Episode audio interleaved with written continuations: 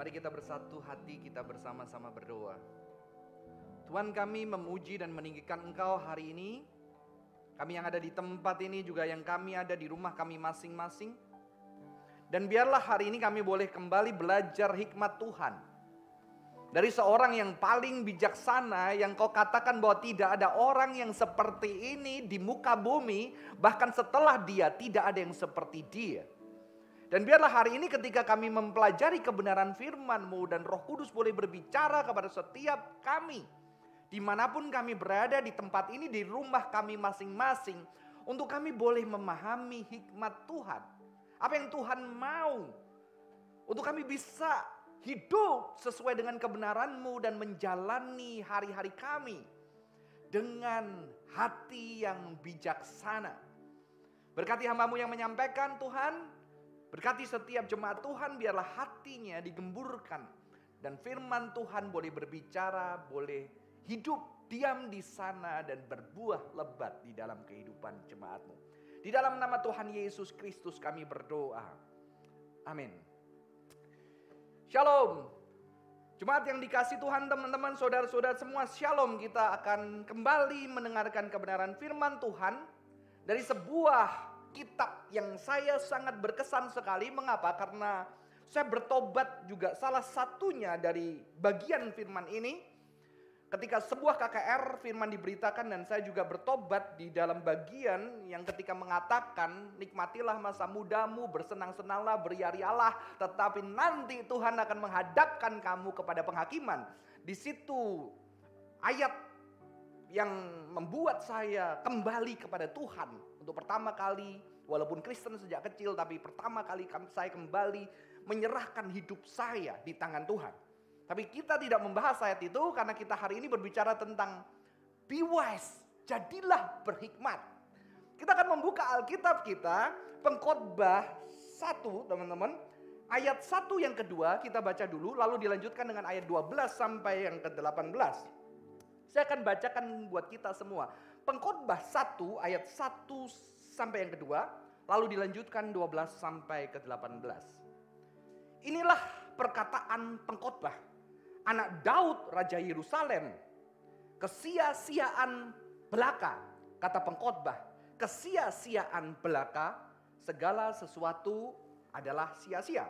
Saya akan lanjutkan 12 sampai 18. Aku pengkhotbah adalah raja atas Israel di Yerusalem Aku membulatkan hatiku untuk memeriksa dan menyelidiki dengan hikmat segala yang terjadi di bawah langit. Itu pekerjaan yang menyusahkan yang diberikan Allah kepada anak-anak manusia untuk melelahkan diri. Aku telah melihat segala perbuatan yang dilakukan orang di bawah matahari, tetapi lihatlah segala sesuatu adalah kesia-siaan dan usaha menjaring angin yang bengkok tak dapat diluruskan dan yang tidak ada tidak dapat dihitung. Aku berkata dalam hati, lihatlah, aku telah memperbesar dan menambah hikmat lebih daripada semua orang yang memerintah atas Yerusalem sebelum aku.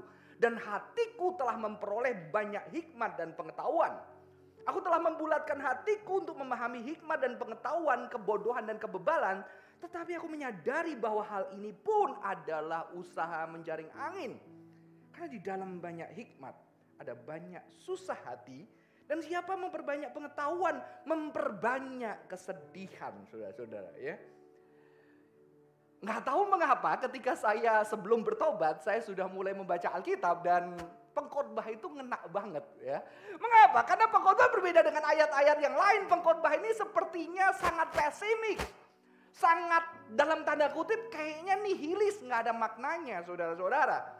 Dan memang ketika saya mempelajari ternyata sesuatu yang unik karena pengkhotbah ini menggambarkan Tuhan yang begitu jauh, Tuhan yang transenden, yang ter, tidak terjangkau. Dan pengkhotbah ini berbeda dengan nabi-nabi. Mengapa? Kalau nabi-nabi menyuarakan apa yang dikatakan Tuhan yang harus ditaati, yang harus diikuti, yang harus dihidupi. Tetapi pengkhotbah ini adalah tokoh yang bergulat di dalam penderitaan manusia yang nyata, yang seolah-olah di situ kayaknya apa yang dikatakan Tuhan tidak terjadi. Semua berkontradiksi, tidak koheren, semua berantakan di dalam kehidupan.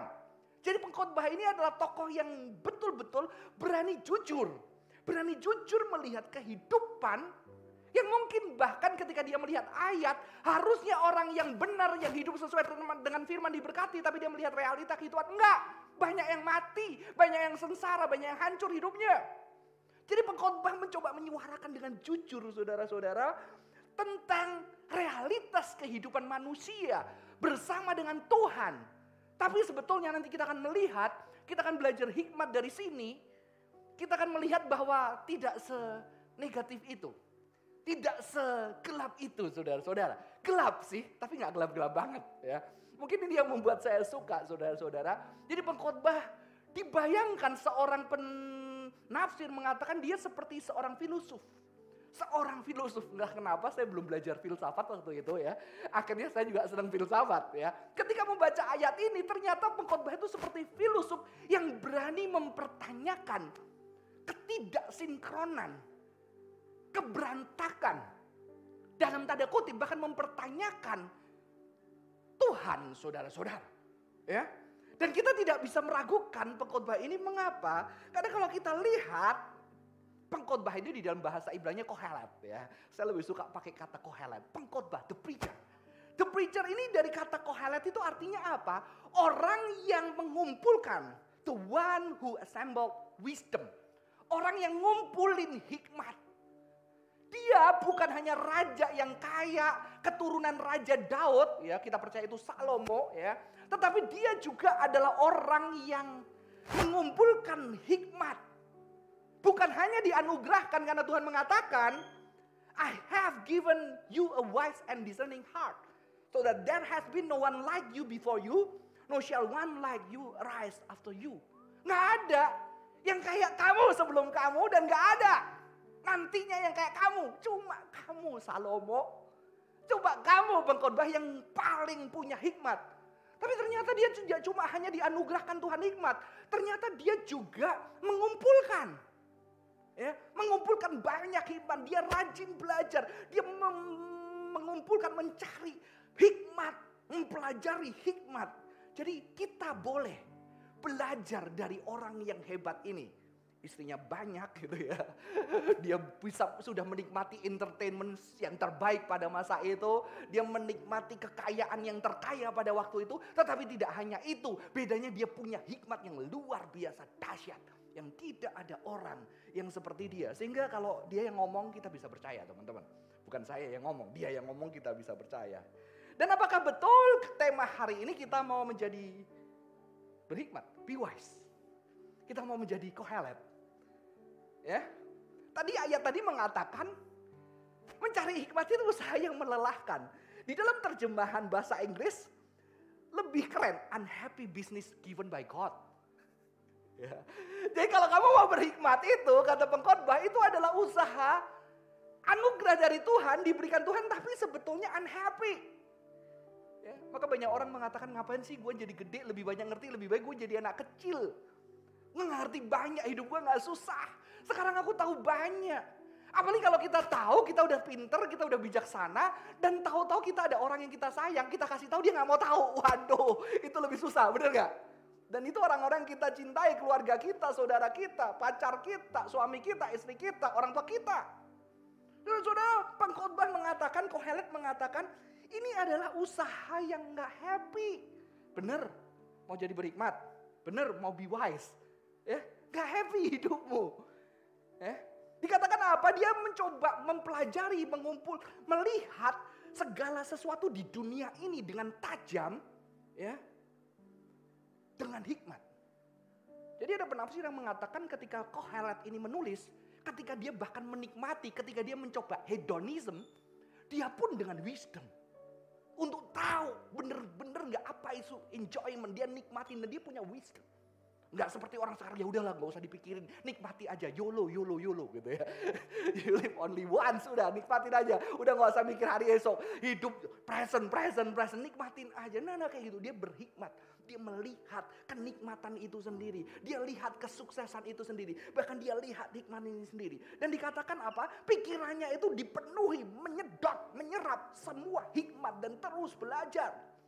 Dan akhir kesimpulannya dia mengatakan itu feudal and pursuit, pursuit of wind. Tapi ternyata usaha dia adalah kata kita sia-sia. Bisa dipakai fana, vanity, vain. Nggak ada gunanya. Nggak, nggak meaning. Meaningless. Mungkin katanya bukan meaningless ya, tapi itu sia-sia. Fana. Dan itu kayak kamu jaring angin. Bisa jaring angin? Jaring kupu-kupu mending yang di angin gitu, jaring angin. Wah, pak gue dapet angin gitu kan. Pacarku, I love you. Ku beri apa? Ku beri angin gitu ya. nggak ada, nggak ada gunanya. Dan hari ini kita akan belajar dari Kohelet. Dan dia mengatakan juga memperingatkan, for as wisdom grows, fixation grow. To increase learning is to increase heartache. Jadi untuk hikmat itu berkembang, bertumbuh, maka kita akan mengalami banyak kesedihan dan hati kita juga bisa sakit. Kenapa? Karena kita penuh dengan hikmat. Ketika pengkhotbah mengatakan, Kohelet mengatakan itu futile, futility. Itu dikatakan apa? Itu seperti udara, seperti breath, nafas. Jadi kamu kalau mengumpulkan hikmat, bekerja keras, mencoba mengerti seluruh yang terjadi di alam semesta ini, kamu itu kayak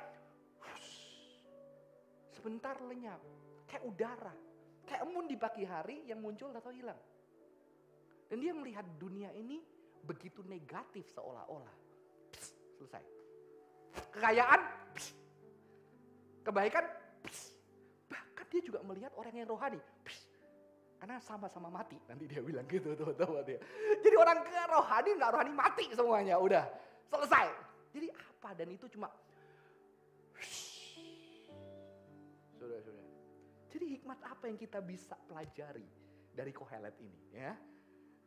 Kok kayaknya gelap banget ya hari ini ya? Kok kayaknya negatif banget ya? Kayaknya pesimis banget. Tunggu dulu teman-teman. Karena dia berusaha jujur melihat makna kehidupan dengan hikmat yang dimiliki, dengan hikmat yang dikumpulkan, dengan hikmat yang juga dianugerahkan sama Tuhan. Ya, dia mencoba melihat realita, bukan berarti Torah itu tidak berguna, nggak ada gunanya buat Alkitab. Tidak, dia melihat kehidupan. Dia coba jujur melihat kehidupan. Saudara-saudara masalah apa sebetulnya? Ketika dia memiliki hikmat dan dia bergumul-gumul terus-terus mengurutkan hikmat, dia berpikir akan hidup yang meaningful. Ada meaning di dunia ini saudara-saudara. Dan meaningful di dalam hikmat pencarian dia, dia gambarkan sebagai sesuatu yang secure, predictable, coherent, meaningful. Jadi ketika dia melihat dunia ini, dia berpikir bahwa dunia ini aman. Ketika kita hidup sesuai dengan firman, firman mau berita bagi bagiku, terang bagi jalanku, maka jalanmu gak akan terpelecok. Itu kata firman Tuhan.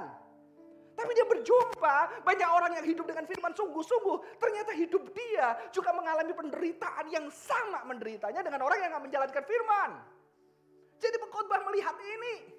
Harusnya orang benar itu diberkati. Kenapa ini orang benar sengsara?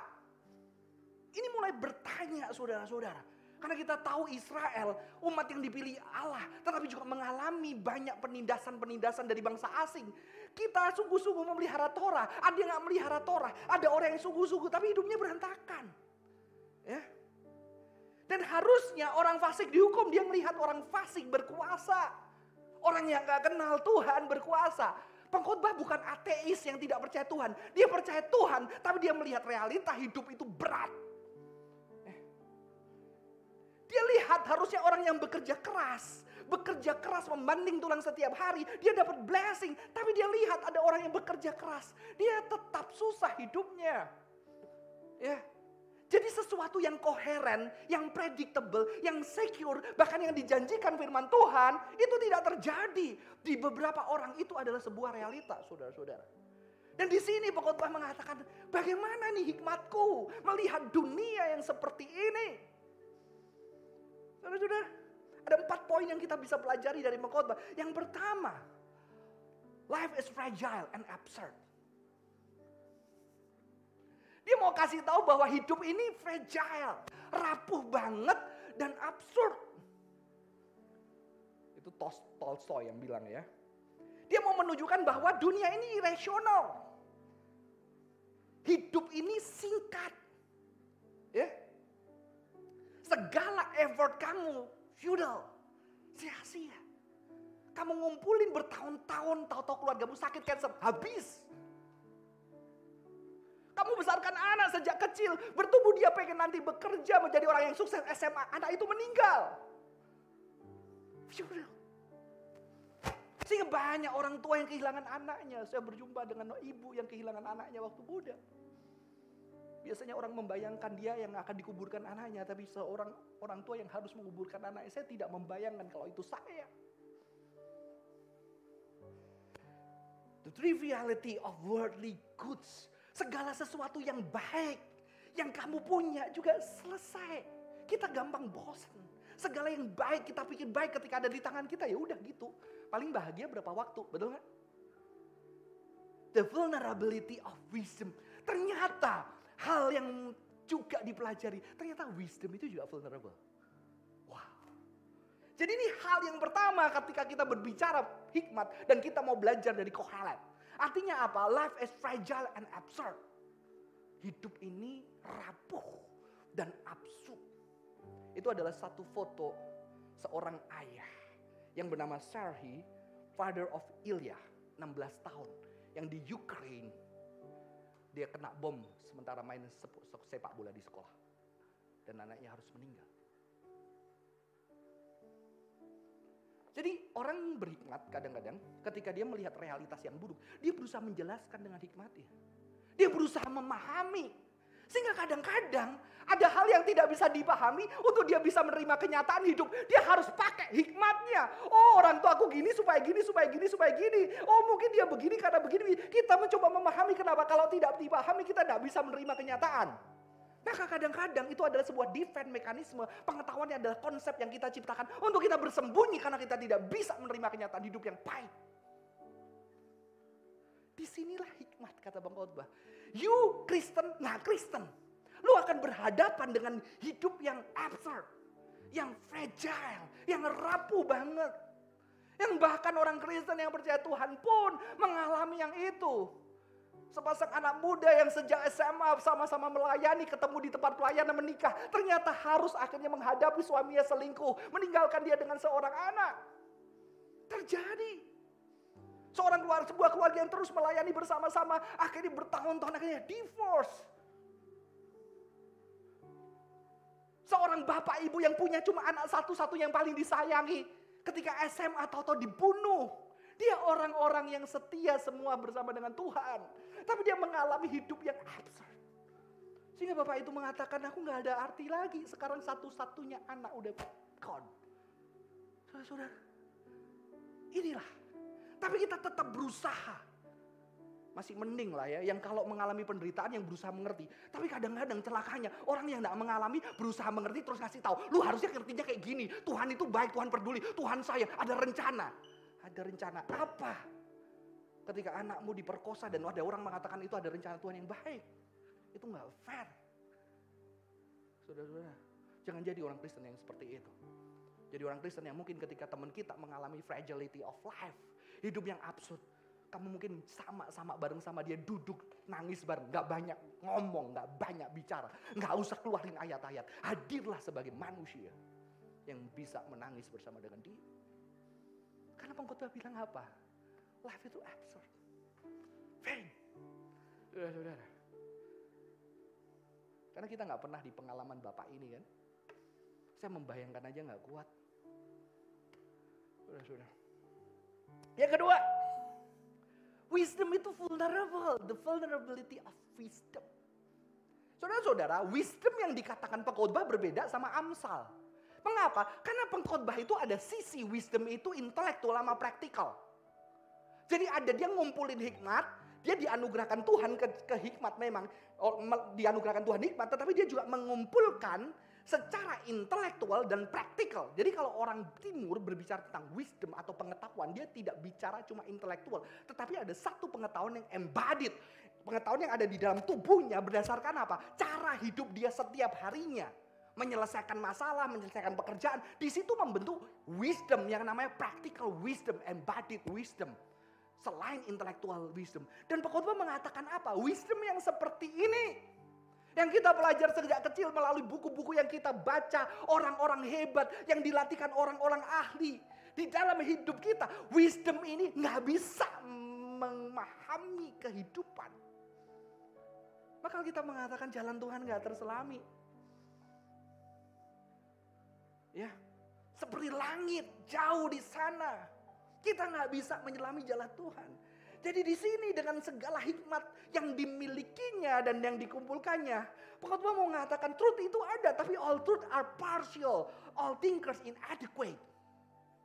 Kebenaran yang gue percaya itu partial banget, tetap kebenaran, bagian dari kebenaran. Tapi gue cuma bisa menangkap kecil, gue cuma bisa menangkap yang tidak sempurna, gue nggak cukup. Jadi hikmat yang pertama kita tahu hidup itu absurd. Kedua kita tahu wisdom kita limit. Jadi jangan sok tahu. Mengapa dia limit? Karena wisdom sekalipun dianugerahkan Tuhan, sekalipun yang kerja kita kerjakan, itu terbatas di tubuh kita yang terbatas. Amin. Dunia sekarang mengetahui, kita belajar melalui tubuh kita, pengetahuan ada di tubuh kita. Kita berjumpa dengan apa? Berjumpa dengan setiap harinya itu membentuk cara berpikir kita dan tubuh kita terbatas. Maka manusia berusaha melampaui tubuhnya, metaverse. Supaya tubuhnya menjadi nggak terbatas. Berusaha menciptakan bagian-bagian tubuh supaya nanti kalau tubuh ini mati bisa dipindahin. Diganti robot-robot atau tertentu. Atau mungkin nanti ada artificial intelligence yang kita bisa dibawa ke sana. Karena dia tidak mau menghadapi keterbatasan tubuhnya. Wisdom itu limit. Sekalipun dianugerahkan Tuhan, tapi ketika anugerah Tuhan kepada Salomo, Salomo bertubuh dan tetap manusia satu di antara seribu orang. Walaupun dia bijaksana, dia tetap terbatas dengan hidupnya. Pasti dia belum pernah ke Papua. Pasti Papua lebih pintar anak-anak Papua ya. Ketika di alam di hutan daripada Salomo, tahu makanan dan tanaman yang seperti apa, saudara-saudara. Hikmat itu terbatas. Dan tapi orang berusaha menjadi tidak terbatas dengan hikmatnya, dengan pengetahuannya. Maka di dalam ilmu-ilmu filsafat postmodern mengatakan pengetahuan itu membuat kita berkuasa. Karena ketika kita mengumpulkan pengetahuan, kita bisa menguasai orang, kita bisa menguasai bisnis, kita bisa menguasai dunia dengan knowledge. Tapi Alkitab mengatakan your, your knowledge itu limit. Vain. Inilah hikmat yang dikatakan oleh Kohelet. Vain. Feudal kayak angin di jaring, nggak ada. Eh. Saudara, saya teringat seorang filosof postmodern yang bernama Emmanuel Levinas mengatakan, if one could possess grasp and know the other, it would not be other. Ketika dia nggak usah bilang dunia, saya mas Stanley. Saya berusaha mengerti Stanley. Oh Stanley adalah pemain musik, anaknya ini gitu ya. Dan dia di gereja ini sejak kecil. Begitu saya berusaha mengetahui Stanley. Stanley saya definisikan Stanley. Stanley bukan Stanley. Karena Stanley selalu melampaui definisi saya. Dan definisi saya selalu tidak adil. Karena definisi saya tidak pernah bisa mewakili Stanley dari kecil sampai usia sekarang. Tapi manusia berusaha gather to knowledge untuk bilang, nih knowledge. Ini dunia, ini kenyataannya, ini yang terjadi. Tapi pengkhotbah mengatakan, no vain. Jangankan dunia orang aja lu nggak bisa ngerti. Diri lu aja nggak bisa ngerti. Ya. Apalagi Tuhan. Dan sebetulnya saudara-saudara ketika dunia yang penuh dengan ketidakterbatas, ketertebakan, dengan sebuah sesuatu yang melampaui pengetahuan kita. Justru di situlah ada ruang ada ruang untuk sesuatu yang tidak terbatas. Sesuatu yang harusnya kita cuma melihat dan kita tidak bisa apa-apa dan kita hanya bisa tersungkur dan mengatakan, I'm nothing. Gue gak tahu Gue gak apa. Gue gak ngerti. Itulah. Dan di situlah tempat Tuhan dan agama. Sehingga engkau mengakui ada yang transenden, yang melampaui melampaui segala yang buruk sekalipun yang tidak bisa kau terima. Banyak orang Kristen memaksakan diri orang untuk menerima. Dan mereka nggak bisa nerima kalau nggak nerima. Kehilangan orang-orang yang dicintai. Kenapa kehilangan tapi mereka datang ke gereja. Kamu harus menerima bahwa keluargamu sudah bersama dengan Tuhan dan segala macamnya. Tetapi kenyataannya hatinya nggak bisa terima. Dan dia tidak bisa menerima hati yang tidak bisa terima. Bisa saya mengatakan terimalah ketidakterimaan. Karena hidup ini banyak hal yang tidak bisa kita pahami, yang kita nggak bisa mengerti, nggak bisa kita terima, saudara-saudara. Saudara-saudara, vulnerability of wisdom. Ya, jadi ada dua sudah. Yang ketiga, saudara, dengan cepat. Ternyata pengkhotbah mengatakan apa? Everyone dies. Semua orang bakal mati, itu yang pasti. Lu nggak bisa ngerti pengetahuan, tapi lu bisa pasti kita semua bakal mati. Wah makanya pengkhotbah banyak yang gak suka. Ini karena Salomo itu sedang di dalam masa-masa jauh dari Tuhan. Banyak penafsir yang mengatakan kayak gitu. gitu ya. Makanya dia seperti ini ngomongnya. No! Siapa yang tidak jauh dari Tuhan masalahnya? Ya, yang ngomong lebih dekat daripada Salomo. Sombong banget gitu ya. Yang laku lebih dekat itu yang paling jauh. Karena Paulus pun mengatakan selama di tubuh ini gue jauh dari Tuhan. Dan gue mengejar yang sempurna itu, yang jauh itu. Saudara-saudara, Ternyata dia mengatakan bahwa kematian itu datang kepada orang yang benar, orang yang berdosa, orang yang baik, orang yang buruk, orang yang clean, unclean. Kalau orang Yahudi ada makan kosher, nggak makan kosher gitu kan ya. Yang ada memberikan persembahan, yang nggak memberikan persembahan. Semua mati, orang yang berjanji dan nggak berjanji, semua mati. Jadi fakta adalah apa yang pengetahuanmu bisa tahu, semua mati, kita semua bakal mati. Ya kalau selesai di situ nihilis, saudara-saudara ya. Nihilis kalau selesai di situ. Absurd, fainted vulnerability of knowledge, everyone dies. Tapi saudara tahu ketika kita berpikir seseorang akan mati, maka Salomo mengatakan apa di pengkhotbah? Maka itu lebih baik kamu datang ke rumah duka daripada pesta. Kenapa? Karena kamu ketika rumah duka kamu tahu akhir manusia. Dan di situ kamu merenungkan hidupmu lebih lagi. Ya. Anak saya yang kecil Nomor dua, setiap malam, Pak, doain, Pak. Doain, Tuhan berkati, kamu sayang Tuhan, cinta Tuhan. Setelah saya bilang doa gitu, Pak hati-hati ya. Ngapain tidur hati-hati? Papa tahu nggak kenapa aku ngomong hati-hati? Karena kan ada orang bisa mati karena tidur, Pak. Jadi kita kan nggak tahu ya, Pak hati-hati ya dia selalu bilang hati-hati. Di situ buat saya berpikir bener juga ya. Sehingga dulu kita waktu retreat kita ada spirituality kan ya. Kalau kita bangun besok, kita bersyukur buat Tuhan. Jadi waktu doa malam, waktu retreat itu kita ingat ya. Retreat tadi yang, yang ada gambarnya itu kita mengatakan bahwa Tuhan kalau aku hidup besok biarlah aku memuliakan Tuhan. Kalau aku besok nggak bangun, biarlah aku tidur di dalam dekapan kasih Tuhan. Everyone dies. Kenapa? Dan kepemikiran akan seseorang yang mati itu membuat kita mikirin lebih akan hidup. Saya dulu pengen jadi hamba Tuhan yang keliling Indonesia. Naik pesawat ke mana-mana. Saya udah cerita. Sekarang saya pengen di Jakarta aja. Udah covid ya. Apalagi dengar kemarin membaca tentang pesawat ya. Ada teknologi yang karena bisnis sudah terlalu besar, akhirnya pesawat pada jatuh nggak diurusin. Yang penting untung gede gitu ya. Udah ada korbannya, saya jadi serem gitu ya. Dan saya buat cari apa? Cari nama, cari terkenal. What for? Saya udah 41 tahun, tunggu berapa tahun lagi? Anak saya bilang, Papa 40 ya? Waduh tinggal bentar dong Pak. Dia sudah deskripsi, mungkin tinggal 20 tahun lagi Pak. Waduh dia perlu Pak, jangan cepet-cepet mati gitu. Saya bilang, Papa pasti mati lah. Sudah membuat kita meaning. Ketika ada penderitaan, absurd, knowledge kita terbatas dan kita semua orang mati, kita jadi bijak. Seorang filosof yang bernama Heidegger mengatakan, justru kita harus ngerti kita mati kita bakal mati. Kenapa? Karena itu membuat kita mikirin. Coba, kalau kamu tahu sore nanti mati, kamu akan ngerjain paper nggak? ya udahlah gue belanja ke Shopee lah sebanyak-banyaknya. Besok sore mati nggak? Pasti kamu akan menjumpai orang-orang yang paling penting dalam hidupmu, betul? Melakukan hal-hal yang penting yang kamu belum selesai. Pengkhotbah udah tahu sebelum Heidegger, saudara-saudara ya. Everyone dies dan mengatakan apa? Di sini saya mengutip bagian yang lain di di Mazmur 90 saudara-saudara. Ternyata Mazmur mengatakan bahwa apa? Hidup manusia itu 70 tahun. Lumayan lah saya, lebih satu tahun, 10 tahun anakku ya. Dia bilang saya 60, 70 kalau sesuai dengan Alkitab. Tetapi kalau 80 tahun itu penuh dengan penderitaan dan kesia-kesiaan dan kesakitan. Dan saudara tahu ayat yang mengatakan ajar kami menghitung hari supaya kami peroleh hati yang bijaksana. Itu dimulai di bagian ini. 70 tahun itu setelah itu tuh sengsara. Dan luar biasa apa saudara-saudara? Pemasmur ini mengatakan, Tuhan tolong berbelas kasihanlah kepadaku. Tunjukkanlah kasih setiamu. Dan buatlah aku bersuka cita. Supaya hari-hari sukacitaku sama dengan hari-hari penderitaanku.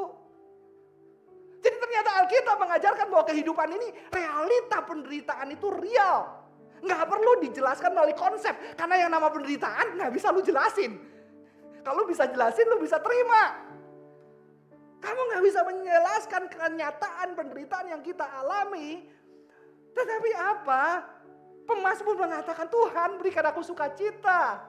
Cintailah aku ternyata cinta yang membuat apa? Supaya hari-hariku yang bahagia sama.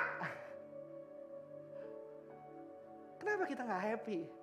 Karena kita berpikir kebahagiaan yang nggak ada penderitaan, saudara-saudara ya. Itu orang Zen Buddhism udah tahu. The perfect happiness adalah kenyataan yang kamu harus menerima. Unhappiness itu ada. Alkitab udah ngomong. Ada hari-hari afflicted.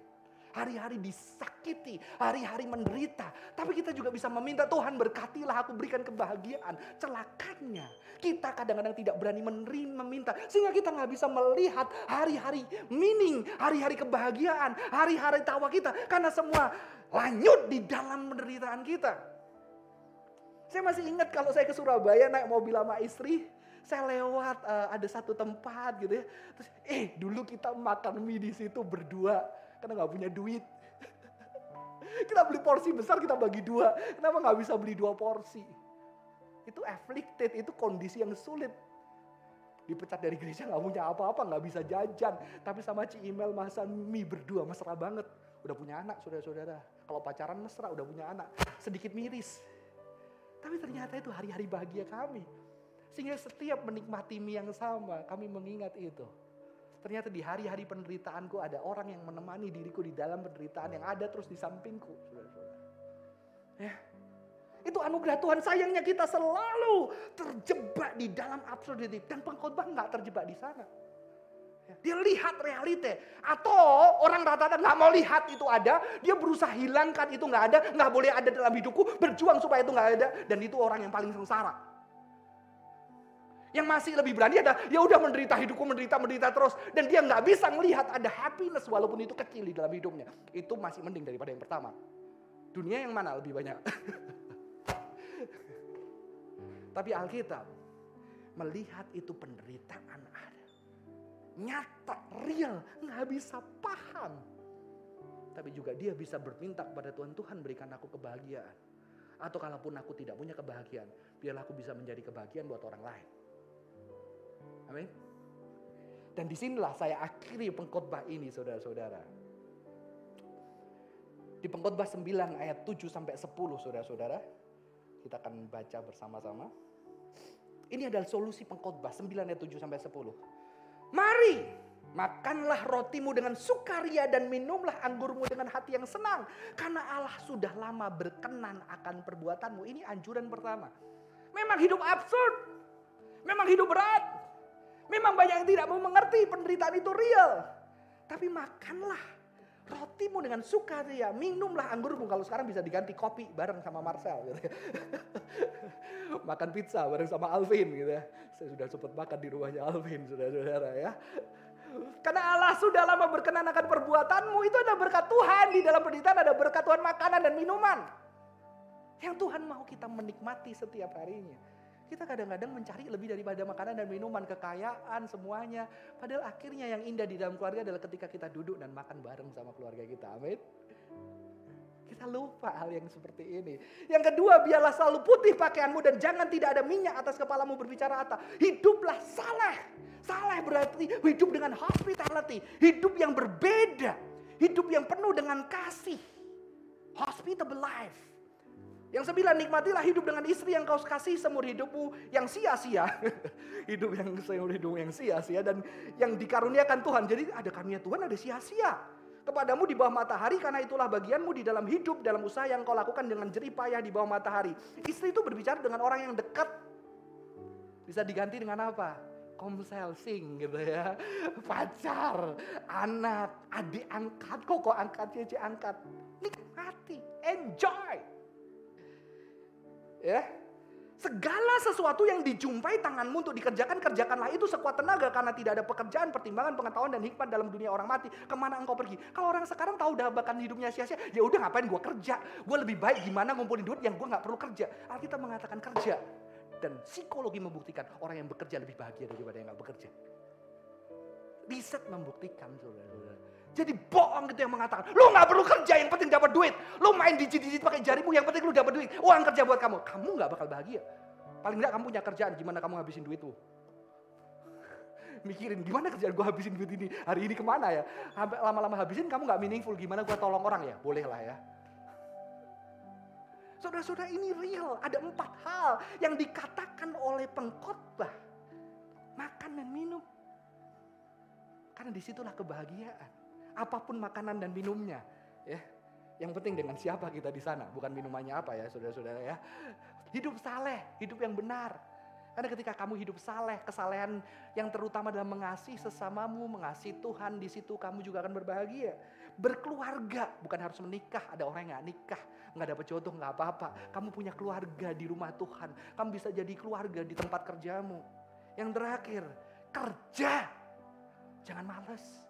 Karena ternyata kerja itu bahagia. Seorang ahli psikolog mengatakan, kalau seseorang punya kerjaan tapi dia nggak bahagia, terus dia konseling sama saya, saya akan memerintahkan dia ini profesor, namanya Jordan B. B. Peterson. Profesor terkenal, dia bilang, saya akan memaksakan dia jangan keluar kerja, tetap kerja walaupun itu nggak bahagia. Daripada lu nggak kerja. Pasti lu akan lebih sengsara dan saya ngurusinya lebih sulit. Saudara-saudara, Alkitab udah ngomong kerja.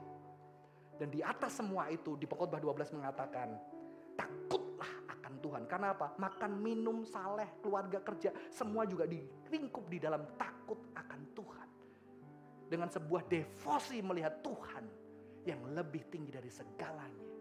Saudara-saudara. Jadi hikmat empat hal ini.